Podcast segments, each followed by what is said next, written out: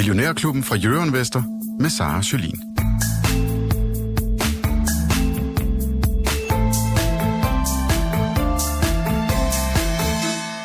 Godmorgen og velkommen til onsdag her i Millionærklubben, hvor det europæiske og danske aktiemarked netop er lagt fra land med moderate plusser. I dag får vi besøg af Jesper Rangvid. Han er professor i finansiering på CBS, og nok mest kendt for at have skrevet den såkaldte Rangvid-rapport, der kortlagde årsagerne til finanskrisen for, ja, det er jo så snart over 10 år siden. Vi skal snakke med Jesper om boligbobler, inflation, renter og hvad det alt sammen betyder for aktieafkastet i den kommende tid. Jesper kommer først ind til os klokken halv 10, men i mellemtiden så ringer vi til Jakob Pedersen, der er aktieanalysechef i Sydbank. Jakob har lige udgivet her til morgen sin nyeste aktiestrategi, hvor han stadig er lidt lunken ved aktieafkastet her det kommende år, så det skal vi lige spørge ham lidt mere ind til. Og så har vi jo også her i studiet, så jeg ikke så stå her helt alene, indtil alle de her øh, gæster kommer. Dig, Lars Persson, vores faste forvalter i klubben. Godmorgen yes. til dig. Godmorgen. Godmorgen.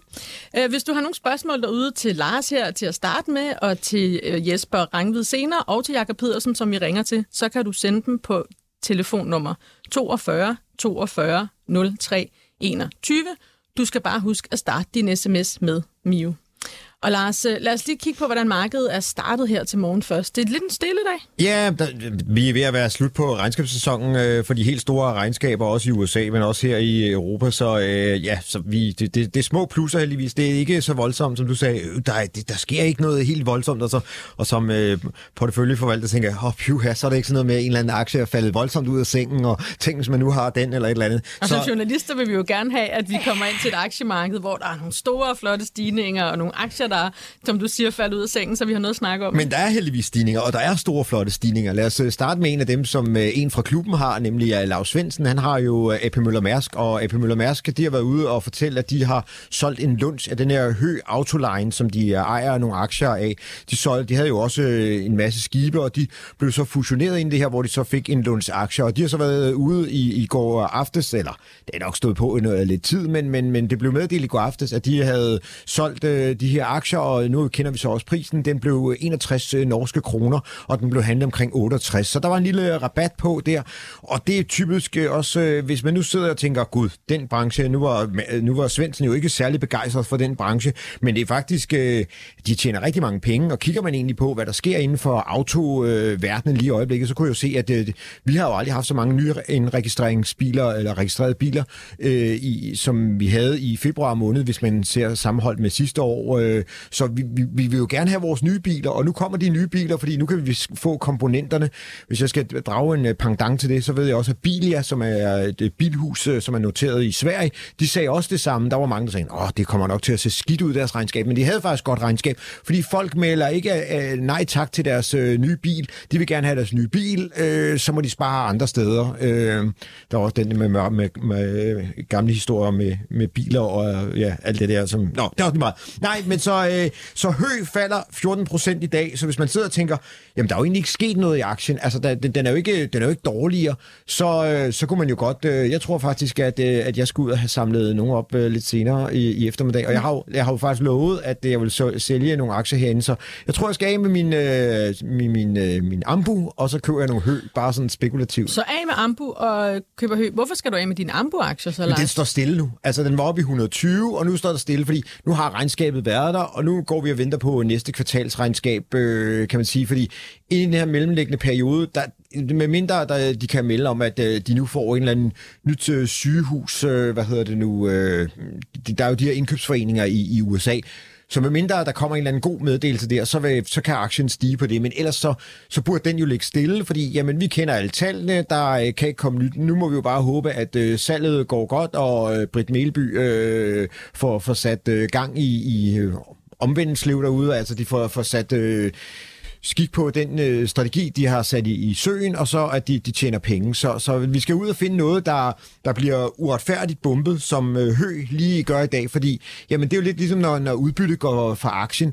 Jamen, øh, der, der, er jo ikke, der, der går nogle penge ud af kassen, men i morgen, eller i overmorgen, og, eller et par dage, så er de jo tjent hjem igen. Det er jo stadigvæk de store, gode samme maskiner og sådan noget, der står der. Så Øh, så det ja, historien for aktien er jo ikke blevet dårligere af, at der lige har rådet noget udbytte Nej, så skal, man, så skal man måske tro på, at, øh, at der ikke er noget at, at samle op i de her øh, selskaber, at de har øh, performet alt for godt, øh, og at der, der ikke kommer noget. Men hvis man kigger på de tal, vi, vi kan se i hvert fald, at folk har brug for, for deres biler og ikke afbestiller dem, jamen så har de jo øh, meget at lave endnu. Så øh, ja, jeg tror faktisk 13 procent ud af ingenting, bare fordi Mærsk har solgt en lunch. Og det er jo det, vi ser hver gang, at det er også det, vi ser ved nye, børsnoterede nye selskaber, det er, at øh, hvis der er sådan en kapitalfond øh, bag i, at når de, når de endelig er solgt ud, jamen så kan aktien øh, stige, fordi man ved, at de bare sidder og venter på, at der er sådan en lukket periode, hvor de ikke må handle aktier. Når den så bliver åbnet, jamen så, så, så skipper de det af i nogle blokke. Mærsk har selvfølgelig stadigvæk en, en blok, men må ikke de holder den øh, lidt tid endnu. Så jeg kunne godt forestille mig, at aktien rettede sig i løbet løbet af ugen, sådan her i det næste stykke tid. Så du skal have noget hø, du sælger Ambu, og ja. AP Møller-aktien er oppe nu lige knap 3 procent. Ja. Og Vestas har faktisk også en fin børsdag indtil videre. Vestas stiger 2,6 procent. I går aftes der kom der også nogle nyheder om, at øh, Vestas er en af dem, der er foretrukket til nogle projekter i Brasilien og Tyskland for nogle nye vindmøller. Hvad tænker du, Lars? Er det noget, der kan få Vestas-aktien til at flyve nu? Ej, det er ikke sådan, man slår en koldbødt bare på grund af det, men, men det, er jo, det er jo en god historie, fordi at øh, Vestas har øh, gået, er gået forrest med, med at hæve priserne, og nu kommer kunderne tilbage og siger, øh, jamen, øh, hvad er det for noget kvalitet, vi vil have? Det var også det, vi, vi talte om for mange år siden, hvor at øh, F.L. Schmidt blev slået lidt på, at øh, man havde den der Western Standard for at levere cementfabrikker, øh, og, og de kostede altid øh, 100 millioner øh, dollars mere, end hvis du købte en, en kinesisk. Men, så, så altså, det er jo noget med, at jamen, hvad er det for en, en, en, en vare, du vil have hjemme på hylden, eller stående i din baghave? Altså, er det nogen, der, der kan holde? Eller vil du måske købe en, der er lidt billig? Altså, det er jo også blandt andet det, uh, Siemens har oplevet ved nogle af Gamesa-møllerne, spillerne.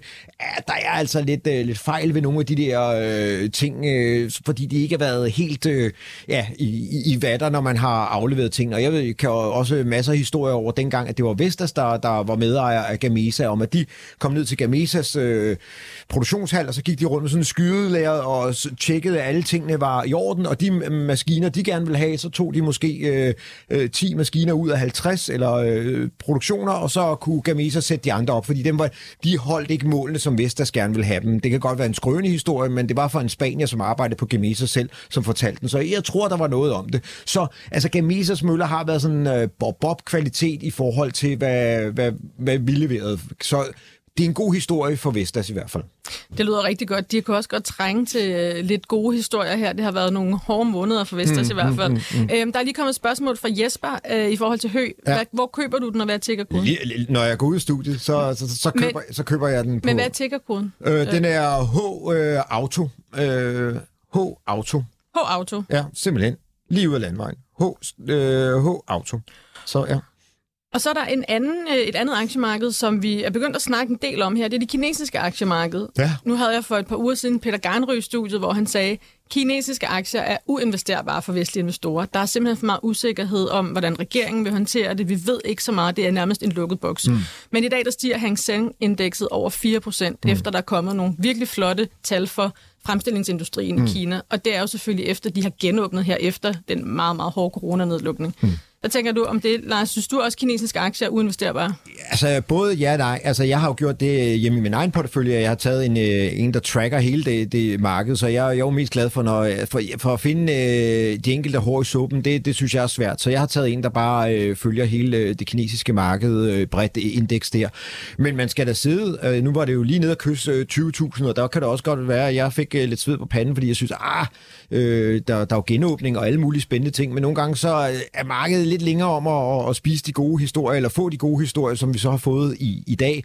Øhm, jamen, altså, man skal regne med, at man påtager sig noget risiko. Altså, der er for det første noget geopolitisk, det har vi jo set, det, det kan lige pludselig eksplodere i hænderne på os, for der var ikke ret mange af os, der troede, at, at Rusland vil invadere Ukraine, øh, så, så, øh, og Gud forbyde, at øh, Kina og Taiwan, men, men, men vi, vi, vi ved det ikke, så, så det er en af dem, og så ved vi jo aldrig, hvad der sker, så man skal jo have en eller anden Måske skal grådighedsfaktoren en lille smule ned og sige, når jeg har tjent x procent, så, så tager jeg bare og, og hopper ud og tager måske et bredere fjernøstlig indeks, som også tager noget Vietnam og noget Indonesien og noget Malaysia og sådan noget, øh, eller også måske endda går helt over i indiske aktier. Men, men, men, men, men lige nu, der, der, der, der, der påtager jeg mig den her lille markedterning med, med, med høj risiko, som så står i, i, mit, øh, i, min, i min aktie. Men Lars, aktier er vel netop høj risiko, at det er det, der skal til, for man også får et højt afkast nogle ja, gange. Ja, det, det vil være fedt fedt med lav risiko, højt afkast. Det eksisterer vel ikke så, så nej, nej, nej, nej, men, men det er jo derfor, du, når du laver din, øh, dit, dit aktieunivers, at der, så, så, så, så skal du have en enkelt markedterning med høj øh, risiko, og så skal du have et par markedterninger hernede med, med, med lav risiko, øh, noget, noget forsikring eller noget andet meget kedeligt noget, som, man, som ikke skaber en helt vildt store afkast. Ikke? Så, så det er egentlig sådan, øh, jeg kigger på det. Nu har vi Jakob Pedersen, aktieanalysechef i Sydbank, med på telefon. Godmorgen til dig, Jakob. Godmorgen, godmorgen. Godmorgen. Øh, lige inden vi går øh, ind i jeres aktiestrategi, som du netop har sendt på gaden her til morgen, så vil jeg lige høre, hvad er dit syn på kinesiske aktier? Nu hørte vi lige Lars Persson sige, at man kan godt have en lille markedterning af dem, men det er altså noget med høj risiko. Det er det også. Det, det tror jeg ikke, der er nogen som helst tvivl om. Men man kan sige, at, at hvis man kigger rundt i et, øh, i et økonomisk miljø, som ikke ser super godt ud, når vi, kigger, når vi kigger både hvor vi står nu, men også når vi kigger længere ind i 23, så ligner genåbningshistorien i Kina altså en af de allermest åbenlyse væksthistorier, man, man, man kan finde. Og, og, og, og det vil der blive mangel på i løbet af 2023. Så, så, så den, øh, den favorisering, vi har af, af emerging markets, ligger også blandt andet med udgangspunkt i det, der foregår i Kina, eller i særdeleshed med udgangspunkt i, i genåbningen i Kina. Så lidt enig i, altså, at det er der, man godt kunne se, der vil komme nogle afkast i hvert fald? Helt afgørende. Så kan man jo vurdere, hvordan man vil eksponere sig. Skal det være igennem, direkte igennem kinesiske aktier? Skal det være igennem en forhåbning om, at der er nogle, nogle andre aktier, som, som har gavn af det, der foregår i Kina? Øh, det kunne være materiale aktier, som har gavn af den råvare efterspørgsel, som nu formentlig kommer alvorligt op i tempo igen i, øh, øh, i Kina, eller nogle af de selskaber, som, som eksporterer til Kina. Jeg tror, man skal være lidt forsigtig med, med, med, med særligt det sidste, fordi jeg tror altså, at, at meget af den stimuli, der kommer øh, i Kina, den vil blive dirigeret over imod, imod det indland danske, og ikke så meget imod eksportsektoren. Men øh, altså, du er lidt positiv her, men du er faktisk jo ikke specielt positiv på aktiemarkedet generelt. Nej, I, det er i hvert fald rigtigt. I den aktiestrategi, du har sendt ud her til morgen, der fastholder du et rødt afkastbarometer. Det er sådan Sydbanks måde at graduere jeres holdning til aktiemarkedet. Hvad betyder et rødt afkastbarometer for dig, og hvorfor holder I fast i det? Ja, det betyder lavt eller negativt afkast hen over det, hen over det næste år på, øh, øh, på de globale aktier. Det gør vi. Altså, aktierne er jo er steget kraftigt over den sidste periode. Jeg synes, at, at de investorer, der lige ruller rullegardinen op og kigger ud af vinduet, de ser en økonomi, hvor der er sådan, at, øh, at øh, øh, virksomhedernes indtjening vil komme, øh, komme under pres. Det mener jeg ikke endnu er afspejlet i, øh, i de forventninger, der er i, i aktiemarkedet. De er ikke faldet øh, nævneværdigt øh, i år. Øhm, og, men, og, men Jacob, må, må jeg lige udfordre dig på den? Fordi ja. den snak har ja. vi jo haft før. Hvis vi går tre måneder tilbage, så sagde du også, at der ville komme et fald i indtjening, og det var ikke indspejlet, afspejlet i aktiekurserne. Den her regnskabssæson har faktisk været okay. Den har været okay, og vi har, vi har heller ikke set, at, øh, at, at man, man kan sige, at vi har fået væsentligt flere skuffelser, end det vi er vant til, og væsentligt færre øh, positive overraskelser end vi er vant til i regnskabssæsonen. Men det er rigtigt, i forhold til den viden, vi har haft om, at 2023 nok vil byde på recession, så har de første måneder af året været, været lidt mere opmuntrende. Det, som investorerne de egentlig bare glemmer, det er jo, at, at virkeligheden det er jo stadigvæk, at inflationen den skal slås ned. Og de sidste par, par observationer, vi har fået på, på inflationen, både i USA og i Europa, er jo, at den er på ingen måde under kontrol. Og, øh, og det vil også betyde, at renterne formentlig skal højere op, styringsrenterne fra centralbankerne. Øh, det vil også betyde, at de skal holdes højere i længere tid, end, end hvad vi hidtil havde forventet. Og, og, og så kan man godt sige, at det, det, det er måske rigtigt, at, at over de sidste to-tre måneder, der er min, min frygt for, for kæmpe nedjusteringer af indtjeningsforventningerne er også blevet en lille smule mindre. Jeg tror stadigvæk, at forventningerne, analytikerne er for positive i, hvad de regner med, at virksomhederne kan levere af, af indtjening i, øh, i, i år. Men virkeligheden er jo også, at de kursstigninger, vi har haft, de gør jo bare, at aktiemarkedet nu begynder at se endnu dyrere ud. Øhm, og, og, og, og spørgsmålet er, om, vi skal regne med, at i en, i, en, i en situation, hvor det er sådan, at investorerne de lige får, får, øh, får, får, får dæmpet euforien, om de så er villige til at betale det samme, eller faktisk mere øh, for, for aktierne, end de har været i de sidste 15 år, hvor vi har været øh, ja, begunstiget af øh, nulrenter og, og øh, gigantiske pengeindsprøjtninger på markederne. Husk jo også lige, at den optur, vi har fået nu her over de sidste tre måneder, har også været hjulpet af, at likviditeten, vi troede alle sammen for to-tre måneder siden, at nu skulle der til at suges massiv mængder likviditet ud af markedet. Det er ikke sket. Likviditetslykkepillerne, de vælter stadigvæk ind i markedet, øh, og, og det ser ud til at stoppe hen over de næste måneder. Og i forhold til regioner, en ting er, at I er glade for uh, emerging markets, men når vi kommer til de lidt nære markeder, primært USA og Europa, der har du en holdning om, at de amerikanske aktier nok kommer til at klare sig bedst. Det går imod mange af de andre store finanshuse derude, som siger, at europæiske aktier faktisk kommer til at have det bedste 2023. Hvordan kan det være, at du ligger ja, anderledes der? Det er, det, det er jo nok, altså, jeg, jeg vil nok i, i første omgang, så, øh, så er jeg nok skeptisk i forhold til øh, risikovilligheden på de finansielle markeder, når vi kigger fremad. Øhm, og, og i en situation, hvor jeg forventer, at risikovilligheden generelt falder, så vil jeg også hellere betale mere for amerikanske aktier og den indtjeningsstyrke, der er der, end, end, jeg vil, end jeg vil købe mig ind i et billigt europæisk aktiemarked, i, i hvert fald et billigere europæisk aktiemarked. Uh, jeg synes jo, at det er, det er et paradoks, at europæiske aktier kan ligge højere nu, end de gjorde for et år siden. Vi står med en inflation, der ikke, vi ikke kan få under kontrol. Vi har krig i Ukraine, øh, og, og vi har en energikrise, som godt nok flyver lidt under radaren i øjeblikket, men som kan blusse op når som helst. Øh, og, og vi står over for nogle kæmpemæssige politiske beslutninger i forhold til at få styr på energiforsyning og i forhold til at få styr på, på, øh, på, på hele den øh, ja, hele forsvarssituationen. Øh, øh så, så nej, øh, europæiske aktier, der er kun én ting, der taler for dem, og det er, at prisfastsættelsen den er, er, er nogenlunde. Og hvor ligger de danske aktier i alt det her, Jacob? De ligger, de ligger faktisk lidt bedre. øhm, i, I forhold til de røde afkastbarometer, jeg har på de andre regioner, så har jeg faktisk et gult afkastbarometer på, på de danske aktier, svarende til et positivt afkast til over det næste år, men også et afkast, der nok er lavere end, end det, vi har været vant til at få historisk. Øhm, og, og jeg synes egentlig, at, øh, at, øh, at de danske aktier kom, kom, kom skidt fra start i år. Øh, og det gjorde de i særdeleshed, fordi det igen var frygten for højere renter. Det her, når, når der er sådan, at vækstudsigterne lige pludselig ikke er så ringe, som vi regner med,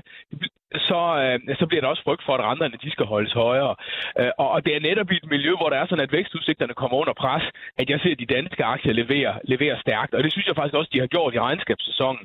Der er ved at hæfte sig ved, at i et globalt marked, der, der falder med en 2-3 procent i februar, der stiger de danske aktier altså med 5.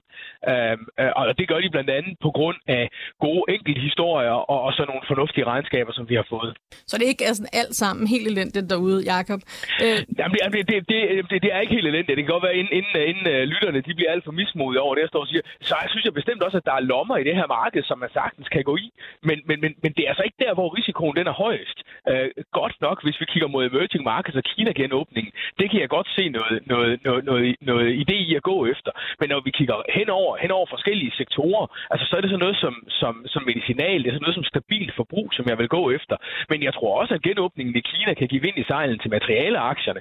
Og så synes jeg altså også, at finansaktierne stadigvæk med den udvikling, der er på renten, øh, ser ud til at kunne, øh, kunne levere øh, øh, bedre, bedre afkast end andre steder, når vi kigger rundt i, i, øh, i aktiemarkedet.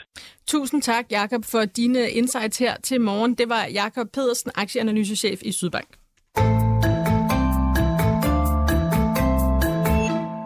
Og så har vi fået vores special guest her i studiet. Godmorgen til dig, Jesper Rangvid. Godmorgen. Professor i finansiering fra TBS, og nok noget af det, du mest kendt for, det er netop Rangvid-rapporten, der kortlagde årsagerne til finanskrisen i kølvandet på den. Men nu står vi jo over for rigtig mange andre udfordringer. Vi har nævnt nogle af dem i tidligere programmet. Jakob Pedersen var lige inde, øh, inde på dem. Men vil du ikke sådan kort beskrive, hvor du synes, at finansmarkedet er lige nu, og hvor de største mørke skyer faktisk er? Jamen, altså, man kan jo sige det sådan her, at vi er jo sådan både på finansmarkedet og økonomien, og finansmarkedet er jo grundlæggende bestemt af den økonomiske udvikling. Jamen, så er vi jo stadig på bagkanten af, af pandemien, kan man sige, og selvfølgelig også på bagkanten, eller man skal man sige midt i krigen, hvis man skal sige det på den måde, men, men jeg fokuserer nok primært trods alt på pandemien, og det vi står på baggrund øh, af. Og det man jo kan sige selvfølgelig, det, det er jo, at den situation, vi har været igennem pandemien, har jo både med økonom, økonomien og dermed også med de finansielle markeder jo været helt, altså helt, helt, helt usædvanligt og, og helt mærkelig.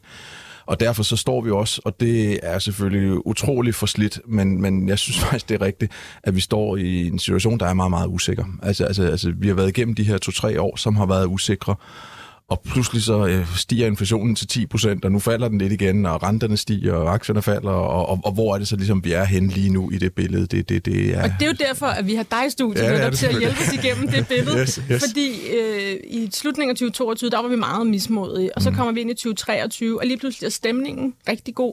Aktierne stiger meget, Mm. renten falder, inflationen falder. Der bliver endda begyndt at være snak om, at måske centralbankerne vil sætte renten ned i slutningen af 2023. Og nu står vi så her 1. marts, og, og lynhurtigt har billedet ændret sig. Hvad er egentlig ændret her i 2023, også bare over den seneste uge? Jamen altså, man kan sige, det er jo tredje gang i løbet af... Hvis nu, siger, hvis nu starter et eller, et eller andet sted at starte, øh, for nu har jeg sagt de sidste tre år, men et eller andet sted at starte, for ligesom at gøre det lidt mere konkret, jamen det er jo måske med rentestigningerne, øh, der begynder der i starten af 22. Fed, der starter med at hæve renten i foråret 22, og ECB, der så kommer jo midt 22. Og det man jo så kan sige, det er efter ligesom, at de rentestigninger begynder at få, få effekt på renterne mere bredt i økonomien og også på aktiemarkedet gennem 22, så kan man jo sige, så har vi ligesom haft tre vil jeg kalde det opsving øh, siden sommer øh, 22. Ikke? Altså vi havde jo et opsving gennem sommeren 22, så tænkte man, oh, men okay, nu er der ro på igen, ikke? og aktierne stiger. Og ja, så kommer man så lige ind i august og september, så var det, okay, det var det så ikke alligevel. Så stiger de så igen, ikke? Og, og så falder de, og så stiger de igen. Og det er der ligesom, vi skal spørge os selv om nu den her gang, det er, er det anderledes nu, end de andre opture, vi har haft igennem det her sidste år eller lignende. Og, og det, det, det er jeg nok så bekymret for, at det er det ikke forstået på den måde, at jeg er bekymret. Ja, jeg, jeg er altid bekymret. Men altså, min det, det vi snakker om her, så er jeg bekymret for, at, at, at det er en optur, den, den, den, den, den kommer ikke til at vare ved. Og det, Og vi er jo også begyndt at se den siver Præcis. lidt i virkeligheden. Præcis. Nu, nu sagde Jakob Pedersen godt nok, øh, at danske aktier havde haft et rigtig godt februar, men ellers globale aktier er Præcis. faldet de der 2-3 procent i februar. Lige, lige præcis. Så det er igen, man har troet, ligesom, når der var styr på inflationen, fordi det er jo det, der styrer, hvad centralbanken gør, det er det, der styrer renterne, og det er så også det, der i den sidste ende styrer øh, aktierne for øjeblikket gennem den her fase, vi er i nu. Og der må man bare sige, nej, det havde vi så alligevel ikke. Altså, vi havde så alligevel ikke styr på inflationen, og det er jo det, der er sket. Det er derfor, aktien er faldet her, og, og renten er steget gennem februar. Jamen, det er jo fordi, der kom et, et nyt inflationstal øh, der for, ja, for fra januar, ikke? Det kom så der i starten af februar. Altså det amerikanske Det amerikanske, ja. øh, og for den sags også det europæiske, der er kommet nu, ikke? Også, men det amerikanske, som så var klart dårligere end det, øh, alle ligesom havde gået rundt og, og, og troet. Altså man havde troet, om, igen, man havde troet, nu var der styr på det, nu kommer inflationen ned, så behøver centralbanken ikke hæve renten så meget, og så, jamen, så stiger aktierne jo. Og så viser det sig så, okay, ups, øh, arbejdsmarkedet, det var stadig brandhårdt. Der blev skaffet over fem, eller skabt over 500.000 arbejdspladser i USA i januar. Det er det brandvarmt arbejdsmarked. Og inflationen, jamen, den viste sig så også øh, at, og, og, og, og være negativ, eller forstået på den måde, ikke? Altså, at, at, at inflationen var højere, end det man havde troet. Og, og hvorfor er det, at, nu nævner du også arbejdsmarkedet, vi bliver overrasket hver gang, vi får de her jobtal, især fra USA. Arbejdsløsheden er lavere, end vi regner med, at der bliver skabt så mange jobs, og inflationen falder så ikke lige så meget, som vi havde regnet med nu. Hvor er det, økonomer går forkert? Nu skal jeg passe på, øh, hvad, hvad, hvad jeg siger, og udfordre jeres det, det er jo modeller. simpelthen det, der mest centrale spørgsmål, Sara. Det er det mest centrale spørgsmål, du stiller der. Altså, hvordan kan det være, at på trods af inflation, der er 10 procent, som udhuler vores købekraft med, med 10 procent. Min lønning er ikke steget med 10 procent, det ved jeg ikke om din er, men min er i hvert fald ikke. Det er så de heller nej, ikke. det er den nok ikke. Så det udhuler altså vores købekraft med, med, med rigtig, rigtig, rigtig meget. Rentestigninger, som er ekstremt markante, som selvfølgelig også går ud over alle mennesker, der, der har lån, og det går ud over virksomheder, der har lån krig øh, og så videre. Ikke? Altså virkelig, virkelig, virkelig meget modvind, øh, må man bare sige. Så klarer økonomien sig, den grundlæggende økonomi, makroøkonomien, beskæftigelsen, klarer sig rigtig godt. Og det er simpelthen det, altså det, er simpelthen, det, er simpelthen det store spørgsmål. Ikke? Det er sådan et mysterie på en eller anden måde. Ja, altså, og så kan vi jo godt begynde at forklare, og det skal jeg nok gøre, ikke? men jeg tror, det er helt fair at sige, at den økonomiske udvikling, altså hvor stærk økonomien er, på trods af alle de modvind, den har overrasket rigtig, rigtig mange. Og den har sådan set også overrasket mig, det vil jeg ikke lægge, lægge på. Øh, det gør jo så desværre nok, det skal vi så vende tilbage til, at det så fremadrettet måske ikke ser så godt ud, fordi vi bliver nødt til at stramme endnu mere op, men lad os lige vente med det. Men sige, hvordan kan det være? Og der er det jo igen noget med alt det her pandemi, ikke også? Altså fordi det hele det kredser ligesom om, vi er på vej ud af pandemien. Og hvad er det ligesom, der sker under pandemien? Jamen det, der jo sker under pandemien, det er jo blandt andet, at husholdningerne øh, og virksomhederne får jo alle de her utrolig mange støttepakker. Altså, altså penge, finanspolitikken, det, vælter ud med penge til husholdninger og til virksomheder for at holde dem, ligesom holde hånden under dem under pandemien. Det vil sige, at vi ser opsparingerne stige rigtig meget under pandemien. Altså basalt set, folk har penge. Altså basalt set, folk har penge. De har kunne bruge dem under pandemien, for vi kan jo på restauranter og så videre. Så vi kan jo se opsparinger rigtig meget. Folk har simpelthen penge. Og det vil jo sige, på trods af, at vi så ser de her kraftige rentestigninger, vi ser inflationsstigninger og så videre, som går ud over folks økonomi, så har folk penge nok. Men hvor lang tid kan de blive ved med at have Ja, det? For det de er her præcis. opsparinger må snart Yes. blive udhulet. Nu nævnte Lars Persson lige tidligere i dag, at der er kommet nye biltal fra øh, Europa, ja. og de er jo faktisk rigtig fine. Altså, hvor får vi de her penge fra, ikke? Ja, og, og det er jo så, jamen altså, og det er igen et rigtig godt spørgsmål, ikke? fordi det er det, vi skal jo ligesom kredse omkring, ikke? Også, hvor længe kan det, hvor længe kan ligesom, hvor længe kan husholdningerne stå imod det her modvind, som, som du der indiskutabelt er, og hvor længe kan virksomhederne stå imod det modvind, der er. Og, og det har de gjort indtil videre, og det har overrasket os. Altså havde du spurgt mig for et år siden, altså inden ligesom alt det her ballade, det starter, Altså renteballaden. Øh, Ja, ballade, inflationsballaden, renteballaden, aktieballaden, alt det, det der ballade der, ikke, som vel starter i 2022, ikke? Eller inflationen starter med at stige i 21 selvfølgelig, og jeg synes jo så, at centralbanken har været for langsomme, ikke? men de begynder at reagere i 22, aktierne og renterne får det jo så rigtig dårligt i 22. Så ligesom alt den ballade, der mener inflation, renter, aktier i løbet af 22. Øhm, hvad var det nu, du spurgte om? Øh, nu, nå, jo, undskyld. Ja, undskyld. Øh, Hvis du har spurgt mig for et år siden, inden det her starter, Jesper, hvis Fed sætter renten op fra 0, lad os bare sige 4,5 procent, eller hvor vi nu, vi er på vej op mod 5, fra 0 til 5 procent inden for et år. Hvad tror du, der sker med økonomien? Og, og du kan spørge mig, og du kan have spurgt hvilken som helst økonom derude. Hvordan tror du, økonomien vil klare det? Se, uha, det kommer nok til at gøre rigtig ondt. Altså 5 procent point fra 0 til 5. Det er noget andet, hvis du går fra 10 til 15, end hvis du går fra 0 til 5. Det har jo bare en kæmpe effekt. Så hvis den så gør det, kommer det ikke til at gå ondt. Så, Jo, det kommer til at gå ondt. Det havde helt sikkert været mit svar. Og derfor er det jo så overraskende, at det netop ikke har gjort så ondt, eller hvor man skal udtrykke det, ikke, at det ikke har haft den negative effekt på den økonomiske aktivitet, som vi havde forventet. Så, og, og derfor er spørgsmålet, hvor længe kan det blive ved, ikke også? Og, og, og det er jo klart, og det er jo, og Ja, det er jo også det, begynder, begynder alle de her ting at bide os, ikke? Jamen, det begynder jo allerede at bide lidt, ikke også? Altså, vi kan jo allerede se, at forbruget har det lidt, virksomhedernes investering falder lidt, husmarkedet begynder jo at få det dårligt, ikke? Vi begynder, ikke katastrofe og så videre, men ligesom det begynder at sætte sig og så videre, så vi ser det jo rundt omkring. Det har bare ikke set det så meget, som vi havde forventet. Og hvorfor er det vigtigt? Jamen, det er selvfølgelig vigtigt, fordi så længe det er sådan her, at økonomien har det nogenlunde, eller faktisk måske faktisk fint, men så får vi heller ikke bukt med inflationen. Og det vil sige, så bliver centralbankerne nødt til at sige, jamen okay, det hele det bliver, det bliver, vi, gør, vi er overrasket, men vi kan konstatere, at det bliver ved med at bulle ud af ergo, må vi sætte renterne endnu mere op. Og det er jo det, der er sket i februar. Ja, og, og lad os så starte netop ved kernen af det. Det er inflationen, du bliver ved med at vende tilbage til. Jeg havde jo lidt håbet på, at 2023 vi kunne lægge den historie væk, og så fokusere på noget andet, men nu er det jo simpelthen bare tilbage i lige i ansigtet på os. Ja. Jeg har set en graf, du har lavet på et tidspunkt, Jesper, hvor at, øh, du har taget inflationen for 2022 og sådan pænt lagt den over, hvordan inflationen så ud i 70'erne. Og den ligner rigtig meget grafen for 70'erne. I 70'erne, der faldt inflationen jo så på et tidspunkt igen rimelig hurtigt, da centralbankerne satte renten op. Så stoppede de med at sætte renten op, og så så vi bare den her runde to, kan man vel kalde det, inflation, hvor den bare røg endnu højere op i slutningen af 80'erne. Der er nok nogle af vores lyttere, der i hvert fald godt kan huske det. Er det der, vi er på vej hen igen, tror du? Får vi den her runde to af inflation? Jeg håber det jo ikke. Øhm, og jeg, jeg tror det faktisk heller ikke. Altså, jeg tror, at det bliver sværere at få bugt med inflationen, end, hvad skal man sige, end vi havde troet. Og Det, det tror jeg. Men jeg håber ikke, vi får en runde to. Fordi, hvad, og hvorfor håber og, og tror så heller ikke? Der er jo selvfølgelig forskel på håb og tro, ikke også? Jeg tror, vi Men- fleste af os herinde Ja, håber på håber. 15 procent aktieopkast Ja, de næste tre dage. Ja, lige, lige præcis. Ja. men jeg tror det så heller ikke. Mit bedste bud er, men som sagt, vi bliver overrasket og så videre, men mit bedste bud er, at vi ikke gør det. Og hvorfor ikke det? Jamen, det er jo netop fordi, at en graf af det, som jeg laver, altså som viser, der ligesom var to runder i inflationen i 70'erne. Ikke? Den, øh, den første oliekrise øh, der i starten af 70'erne, 73-74, og så kommer der en ny runde inflation i, i slutningen af 70'erne. Der må man bare sige, jeg, jeg tror, at centralbankerne har lært af det.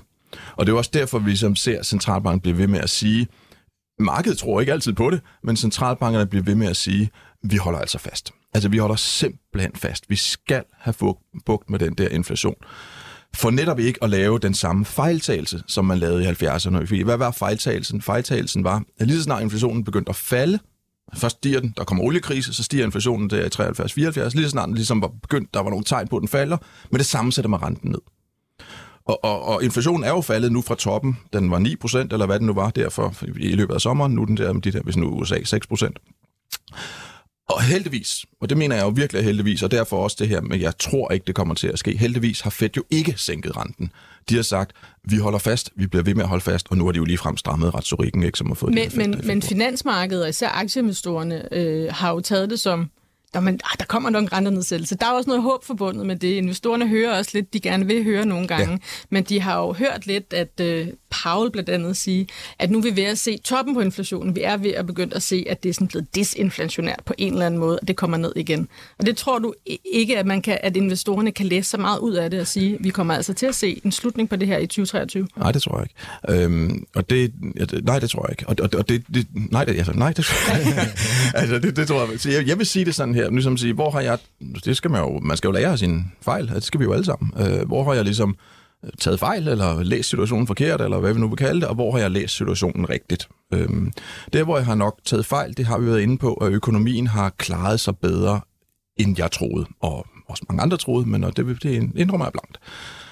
Der, hvor jeg så synes, jeg har haft ret, det er, at jeg har sagt hele vejen igennem det her, den her inflation bliver rigtig svær at få bugt med. Der har jeg nok været mere pessimistisk end netop andre, hvor jeg sagde, jamen jeg, jeg tror simpelthen inflationen, og det er jo blandt andet med 70'erne, hvad var erfaringerne osv., jeg tror, den bliver sværere at få bugt med. Og det har så nu vist sig at være rigtigt.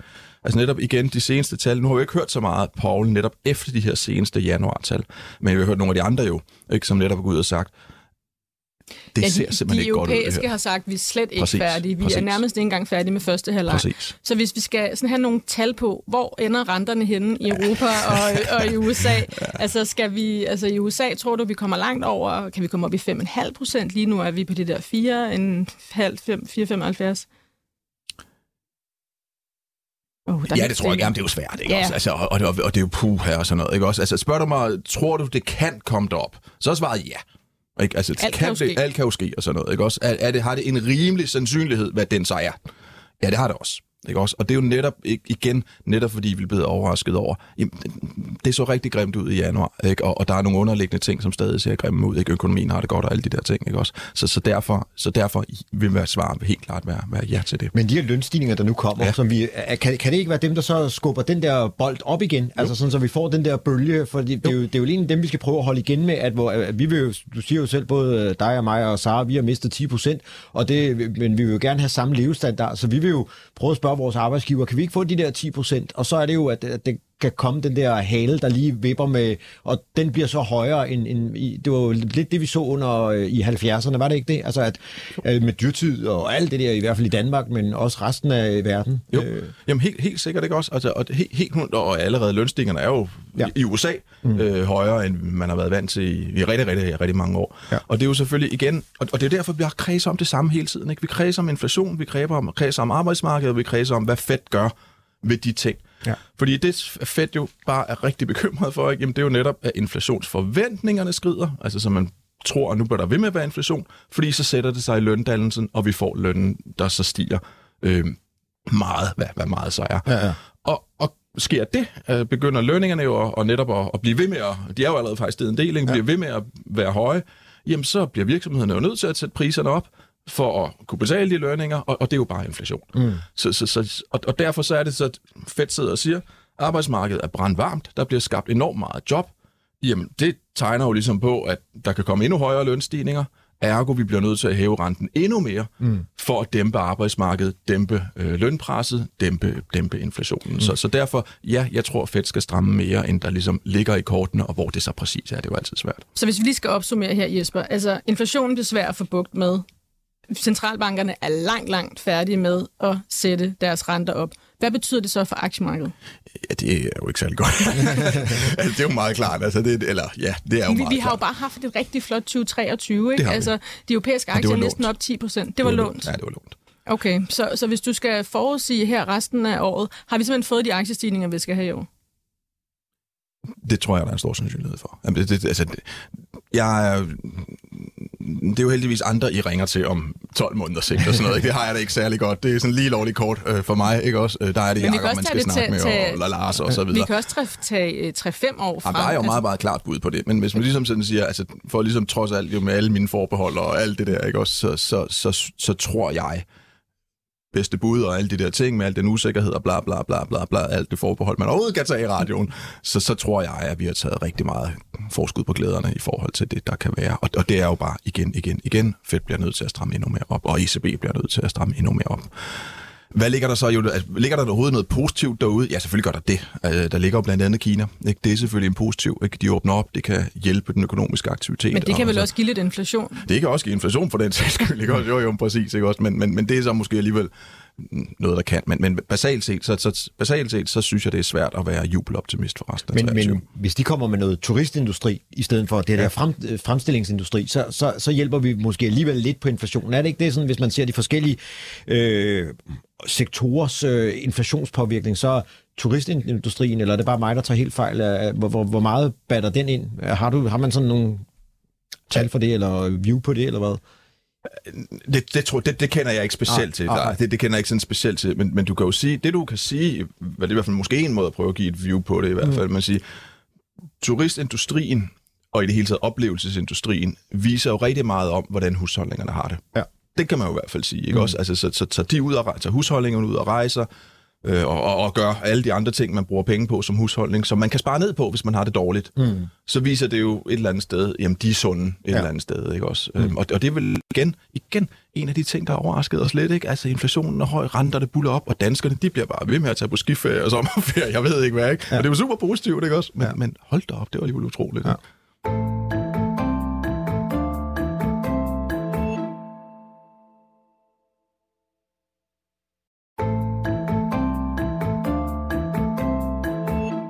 Det er onsdag her i Millionærklubben, hvor jeg har Jesper Rangvid i studiet, professor i finansiering på CBS. Hvis du sidder derude og har nogle spørgsmål til Jesper, så er du meget velkommen til at sende dem til mig i studiet på telefon nummer 42 42 03 21. Jesper, det er mega fedt, du er med, og du ved så meget om finansmarkedet og økonomien. En af de ting, du også har været ude og snakke om på et tidspunkt, det var boligmarkedet. Vi to har i hvert fald snakket om, at du på et tidspunkt synes, at der var måske en boble på boligmarkedet. Synes du stadig det?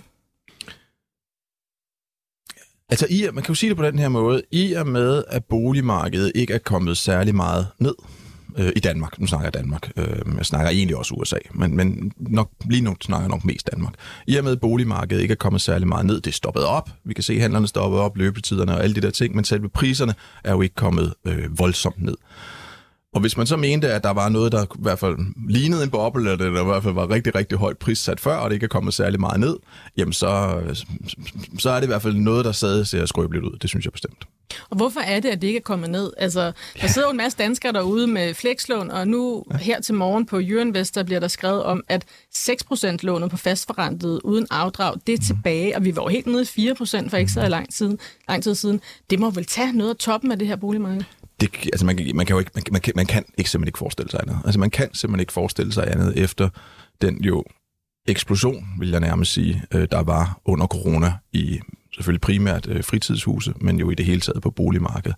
Øhm, når så renterne stiger så voldsomt, som de jo har gjort gennem 22, og, og bliver ved med Altså, du, man kan jo bare ikke låne så meget. altså, det, det kan man bare ikke. Øh, og derfor så, så, så på et eller andet tidspunkt bliver det jo ligesom nødt til at sætte sig igen, hvorfor er det så ikke gået sådan? Altså, hvorfor er det så, at boligmarkedet egentlig har klaret sig godt i lyset af de her voldsomme rentestigninger? Jamen, det er jo fordi, der er primært, altså, der er primært tre ting, der driver boligmarkedet. Øh, primært tre ting. Den ene er selvfølgelig renten, og den er jo helt klart negativ for boligmarkedet for øjeblikket. Den anden, det er selvfølgelig, har folk et job? Altså beskæftigelsen. Har folk job? Og hvis de har job, øh, kan de så blive ved med at tjene. Øh, hvis de bor i et hus, kan de blive ved med at tale regningerne. Og beskæftigelsen har det jo bare, som vi har snakket om, rigtig, rigtig, rigtig godt. Og den tredje ting, som slet ikke er relevant her, men bare for ligesom at sige den tredje ting, det er rigtig meget migration. Altså at folk flytter ind til byerne. Ikke? Det, er, ligesom, det er de tre ting, der virkelig har drivet boligpriserne. Øhm, og ja, renten burde jo trække ned, ikke? men omvendt så har beskæftigelsen bare øh, rigtig, rigtig godt.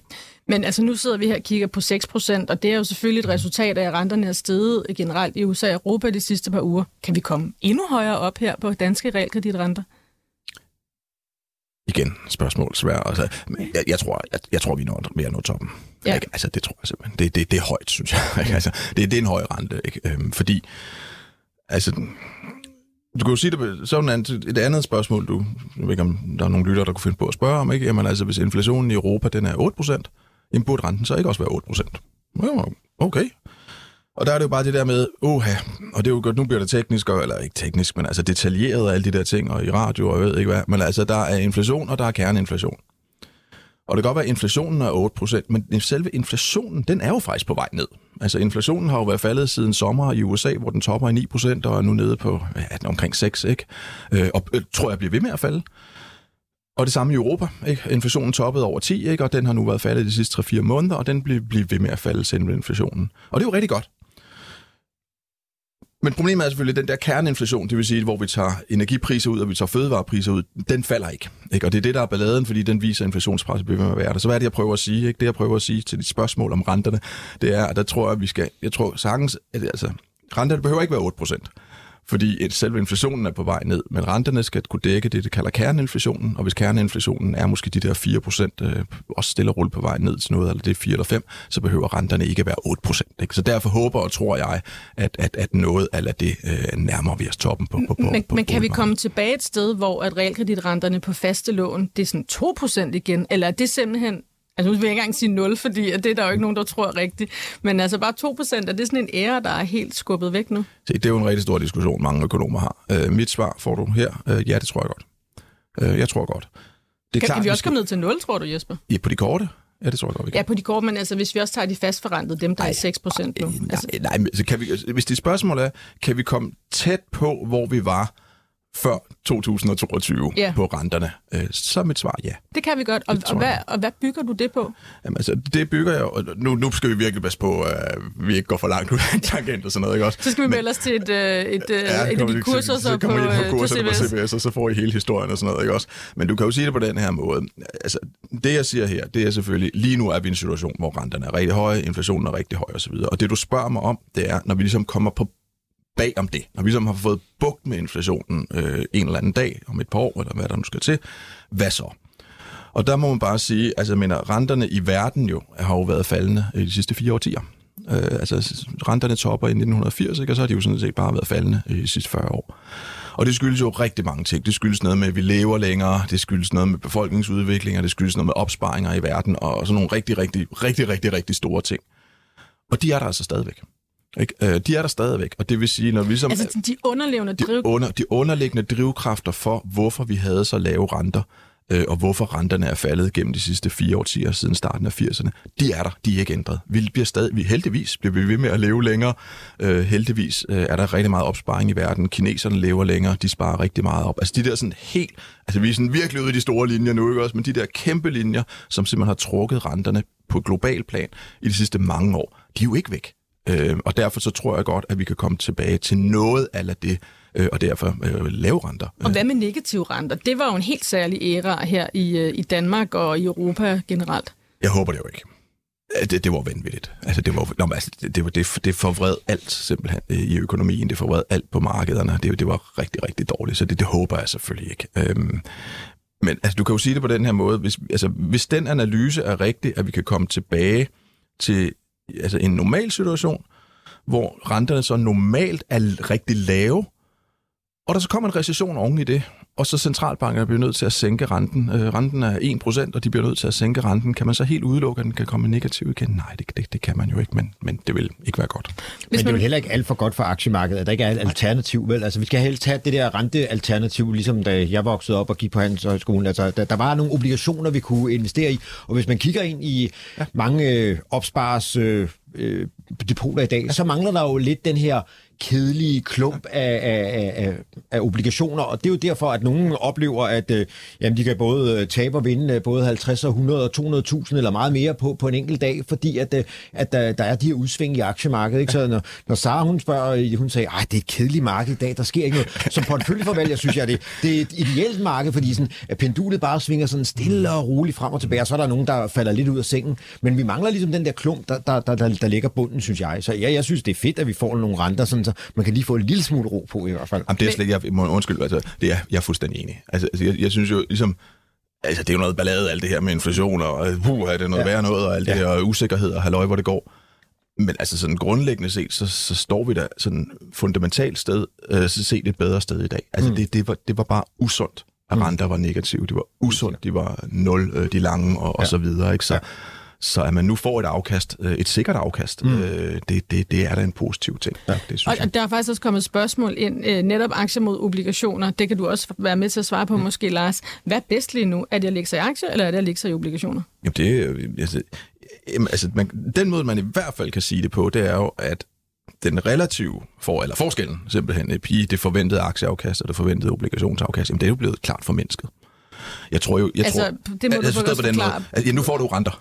Ja, ja. ikke? Altså, altså, så hvis aktier gav øh, 6 procent, øh, hvis forventede aktier, det, det kan man jo gøre meget konkret. Ikke? Fordi jeg har en holdning til, hvad afkasten er på 5 og på 10 år, fordi jeg også leder det her råd for afkastforventninger. Hvis man ser på os, så forventer vi jo, at der er et globalt aktieafkast på omkring 6% om året, øh, og det har vi sådan set gjort. Det, det er blevet lidt højere nu, fordi renterne stiger lidt, men altså et eller andet sted mellem 5 og 6% om året har vi jo forventet de sidste øh, par år hvor vi jo så øh, i, øh, for et par år siden forventede nul afkast for obligationer. Ikke? Altså renten var, jo, renten var jo nul, og renterne skulle måske op, så du fik kurstab, så vi forventede faktisk ligefrem negativt afkast for obligationer. Så det vil sige, at der var en risikopræmie på en 5-6 procent. Den risikopræmie er jo i dag væsentligt lavere. Ikke? Altså nu får du faktisk et afkast for obligationer, på præcis det som Lars siger, mens aktieafkastet jo ikke er steget ligesom altså forventet, det forventede aktieafkast gående fremad ikke er steget lige så meget. Så det er blevet relativt mere interessant at være i obligationer. Tror jeg stadig på, at der er et mere afkast for aktier? Ja, det gør jeg. Altså, jeg tror stadig på, at der er et mere afkast for aktier. Så, så på den måde kan du sige, altså, ja, der er stadig noget at hente på aktiemarkedet, ikke også? Men aktiemarkedet er selvfølgelig også mere usikkert end obligationer, ikke også? Så altså, lad os lige vende tilbage til de her afkastforventninger. Hvad tror du på 5-10 år? Altså er du stadig på de her 6 procent Ja, altså, for, altså det er jo sådan, vi kommer to gange om året, ikke også? Øh, Og, og vi kommer her i, i, i omkring 1. maj, tror jeg det er. Vi kommer næste gang med de opdaterede, men altså dem, som kom i efteråret, altså for en 3-4-5 måneder siden, jamen så sagde vi jo 6 procent per år over, og det var faktisk stort set det samme over de næste 5 år, de næste 10 år. Så, så, så for globale aktier øh, omkring 6 procent om året de næste 5 eller 10 år. Så kan jeg jo næsten lige så godt købe en dansk realkreditobligation det er jo til det. 6 procent nu. Jamen, det er jo lige nøjagtigt det, ikke? Altså, ja. Og hvad siger du, Lars, altså, på det Jamen, her? Jeg, jeg er jo ikke så dybt nede i materien, som, øh, som Jesper er, og, og har de der modeller og sådan noget, og, og jeg, er jo, jeg er jo aktiemand, så, men, men, men derfra fra så alligevel sige, at man skal have noget obligation på bogen, hvis man har en større formue. Det, der har været problemet, det er jo, at når du har en stor formue, og du fik minusrenter, altså du skulle betale, og så var det jo, man, man blev lokket, altså så er det jo, man, man står der og tænker, okay, skal jeg betale 100.000 eller 50.000 for at have nogle penge stående i en bank, øh, så er det jo, man blev lokket ind i, i, i et mere øh, risikofyldt øh, emne, som, øh, som aktier var. Altså nu kan du, har du med god rette at tage øh, dine 10-15 millioner og, og, og placere om over i, i noget mere øh, stabilt, og så have den der... Øh, øh, klump til, til aktiemarkedet, så du kunne ligesom bedre dele det op i forhold til, hvad, hvad du kunne før. Så, så det, det bliver lidt mere også sådan, at man ikke sådan sidder helt ude på sædet hver en, nærmest hver eneste dag og tænker, åh, øh, hvor- hvor- hvordan går det nu med, det, med rusjebanen i dag? Ikke? Så, øh, så det, det bliver lidt mere rart at, være investor på den måde, synes jeg. Så vil jeg lige tage mine 10-15 millioner og gøre det, Lars, når jeg kommer ud og, herfra. og, det, ikke? og, nej, men, og det er jo det, der så er blevet... For, for, jeg ved godt, det, det har vi ikke alle sammen, og det har jeg heller ikke. Men, men det, der, det, det, der er blevet svære jo, det er, at hele obligationsmarkedet også blevet anderledes nu. Så som når vi er privatpersoner, altså, øh, så kan du ikke bare gå ind og købe for 50.000. Altså, mm. hele det der, det er jo blevet institutionelt, sådan så at du, du kan ikke bare øh, stille dig op i, i, i rækken. Og, og det er lidt ærgerligt, for, fordi på den måde har vi også frataget nogen at komme ind i markedet igen. Så det, det, det er ikke så godt, at det, der er sket her faktisk. Det var sjovt, og, og vi havde det rigtig sjovt, men der var også nogen, der brændte fingrene. Det må vi bare erkende bagefter. Ikke? Og øh, spørgsmålet var med noget at ride alle kastanjerne ud og proppe øh, moneter sådan i lommen. Og det gjorde man nok ikke rigtig vel. Så sådan det. Der er kommet et spørgsmål her fra Jørgen til dig, Jesper. Han spørger, hvad er en neutral realrente? Nu skal vi skal også lige for dem, der ikke er øh, eksperter i finansiering og økonomi. Hvad er en neutral Ja, hvad er en neutral realrente? Det er også den spørger mig. Hvor ligger den også henne så? Jamen, altså, du kan sige, det er jo den rente, der gør, at udbud og efterspørgsel, de er balanceret, og med andre ord, det er den rente, der gør, at du har en inflation, som er det, der skal være målsætningen, og hvis centralbanks målsætning er 2%, så er det den, altså realrente, der gør, at inflationen bliver ved med at være 2%. Så man kan ligesom sige, det er den naturlige rente, der skal være, for at økonomien øh, er i en balanceret situation, ikke? Og, og det går stille og roligt derudad, og inflationen den er øh, stille og roligt på det, den skal være. Og, der har jo så, og det er jo så netop det her med, at, at gennem de her sidste, øh, ja igen 40 år, ikke også, hvor vi har set den her naturlige realrente øh, falde meget, meget, meget markant, som følge af alt det her med den globale opsparing, og vi lever længere og alt det der. Og derfor så er mit bedste bud helt klart, at den er stadig øh, lav. Altså rigtig, rigtig Men lav. er den 2 procent, eller er den lavere end det? Altså, igen, så er det jo lidt, at vi i Europa og i USA og sådan Ja, noget, men det er der, vi er. Altså det er der, vi er. Ikke? Vi er nede på 2 til 1 procent, 1 til 2 procent på den. Det er jo realrenten, det her, så det er jo efter inflationen, der bliver spurgt om, ikke også? Øh, Og, og, og det, det, det, det er stadig mit bedste bud. Det er det. Og så er der også en øh, lytter, der spørger, hvor holder du dig opdateret henne for at være på forkant med alle de her ting? Rangvids blok. Rangvids blok. men, men, men den skriver du jo. Men det, det kan lytterne selvfølgelig gå ind på. Men, men hvad, er der noget, du holder særligt øje med, Jesper? Er det oliepriserne? Okay, Er det øh, okay. arbejdsløshedstal?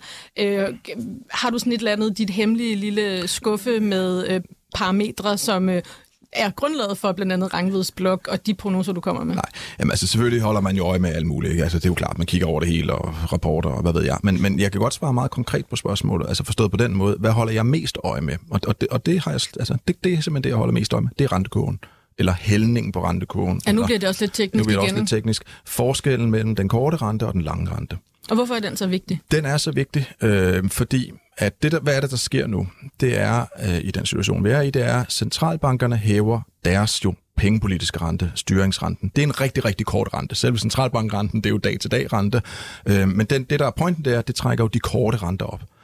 De lange renter, øh, de, de er også steget jo øh, gennem det her, men er steget meget mindre jo end de korte renter. Og det vil sige, nu er vi i en situation, hvor de korte renter er højere end de lave renter.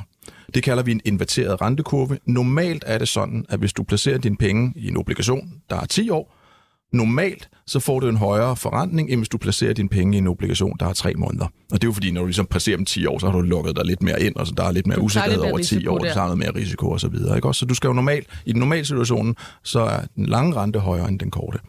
Nu er vi i den situation, at den korte rente, rente den er højere end den lange, altså det, vi kalder en inverteret rentekurve. Og det der grunden til, at jeg holder så meget øje med det, jamen det er fordi, at det, det, det, er, altså det er simpelthen den bedste indikator, vi har. Primært for USA, skal det sige sådan noget, men det er simpelthen den bedste indikator, vi har for, om der kommer en recession. Og recession, det er jo altså bare, det er simpelthen bare det, der styrer markederne. Ikke? Altså får vi en recession, så falder aktiemarkedet jo nu øh, rigtig, rigtig voldsomt. Ikke? Øh, og, og, og, og, så derfor der er det simpelthen den indikator, jeg holder Og mest den øje med. viser jo faktisk nu, at der kommer en recession, men det vi den. har jo også her i Millionærklubben diskuteret mange gange efterhånden, ja. Om der kommer en recession. Det har vi. Og igen, så er vi tilbage til det her med, at vi jo faktisk blevet overrasket over, hvor godt økonomien har klaret det. Ikke? Også, det er så også vigtigt at sige, at man nu går I virkelig ned i detaljer og sådan noget. Ikke? Men altså, den er sådan primært på at sige, at der kommer en recession om 6-12 måneder. Det er ikke sådan, der kommer en recession i morgen. Og nu er rentekurven jo meget, meget negativ, eller meget inverteret, øhm, og derfor så øh, indikerer det rigtig meget, at der kan komme en recession inden for de her 6-12 måneder. Og det, det er nok der, jeg er. Så har jeg fået et spørgsmål fra Michael. Han spørger, om du vil investere i kinesiske aktier, når nu vi ser spændinger mellem USA og Kina. Jeg ved ikke, om du kan svare på- så specifikt på det, ja. men, men kan du måske så lidt Ja. mere i helikopterperspektiv Jamen, sige, hvordan at de her spændinger måske påvirker den kinesiske økonomi og, fit- og aktiemarkedet? Ja, og igen, det, det er selvfølgelig der, man skal ringe til en aktieanalytiker for at få sådan det der helt konkrete svar, men det jeg jo kan svare på, eller det jeg kan prøve at igen på en eller anden måde sige noget om det, det er igen de øh, forventninger, vi har i rådet for afkastforventninger. Og der har vi en forventning for globale aktier, som sagt, undskyld, globale aktier, undskyld. Ja, du må endelig... Vi, har, vi, vi Yes. presser os alt ud af det er her i øh, Nej, den tid, er globale her. aktier, de her 6 procent, ikke også over de næste 5-10 år, men på emerging market, så emerging markeder mere generelt, der forventer vi jo væsentligt højere, øh, kan man godt sige, 8-9 procents afkast. Og Kina er jo selvfølgelig en del af global, øh, emerging markets, ikke også? Ja, en kæmpe stor del, En kæmpe stor del, ikke også? Så Jo. man kan sige, generelt set fra emerging markets, der er vi væsentligt mere positive. Igen, det er selvfølgelig også højere risiko, yes, men, men altså også et forventet højere afkast. Og det er også, selvom vi ser de her spændinger, der er lige nu mellem USA og Kina, hvor de skyder ballonger ned. Jamen altså, du kan, øh, ja, det er det. Altså svaret er ja, ikke også? Fordi det er jo en forventning, men, men igen, det er jo en forventning over de næste 5 eller 10 år. Og, og så kan man jo sige, altså kan det gå helt og der går vi over nogle helt andre eksperter, nogle geopolitiske eksperter og sådan noget. Kan det gå helt galt mellem Kina og USA over de næste fem år? Ja, det er, uden at være ekspert på det, det kan det vel godt. Og det vil så selvfølgelig få nogle andre implikationer, så du kan et eller andet sted, kan du sige, det er sådan et, sådan et afkastforventning, jamen der ligger der jo en, en implicit omtale, en, øh, øh antagelse om, at det så at sige ikke går helt galt mellem Kina og USA. Vi har kun sådan cirka lige et minut tilbage i dag, men Jesper, for at samle alting op, har du et godt råd til vores lyttere derude, som gerne vil investere og er investeret, og som måske synes, at, at du er også lidt mismodig på øh, 2023. Jakob Pedersen var lidt mismodig på 2023. Hvad skal man tænke lige nu? Jamen, så man skal tænke lige nu, situationen er rigtig, rigtig, rigtig usikker. Man skal tænke lige nu, det bliver svært at få bukt med inflationen, det vil sige, at renterne måske skal lidt op. Og så skal man lave den der analyse med sig selv. Synes man, apropos også det Lars sagde, synes man, at det ekstra afkast, jeg får for at tage risiko, er så meget mere attraktivt nu i den her verden, end det, jeg kan få fra min 6% realkreditobligation. Det skal man sætte sig ned og tænke grundigt over, fordi det ekstra afkast er ikke så kæmpe højt. Nu er der en mulighed. Så det er det, man skal tænke over. Ikke også? Altså, det er det, man skal det, tænke over. Men jeg tror, mange af vores lyttere kunne måske godt tænke sig at få lidt mere end 6% afkast. Ikke, Lars? Jo, jo. Altså, de, de vil jo gerne øh, ligge sig i nogle aktier også, som har lidt mere raket øh, fuel under sig, ikke? Jo, jo, øh, og, og vi har jo også set Index lave øh, fantastiske af, afkast, fordi det sjove er jo, at øh, Index aktieafkastet er jo, er jo ikke, det er jo godt nok en pyramide sådan inde på midten, men det, har, det får vi jo aldrig. Det er jo altid sådan noget 10, 15, 20 procent i plus, eller minus øh, sådan øh, 9, 12, øh, 30 procent. Så du får jo aldrig den der, ligesom en normal fordeling, som man får med, med, med karakterer, for nu når vi har en fra CBS i. Så, så, så det er det der, det er det der, det er det der pointen for os, øh, når vi er, står og venter afkast. Det er alt, hvad vi når i dag. Tusind tak til dig, Jesper Rangved fra CBS, for at komme i studiet. Tak til dig, Lars Persson, og tak til Louis Fangenberg ude i teknikken. Rigtig god dag til jer derude.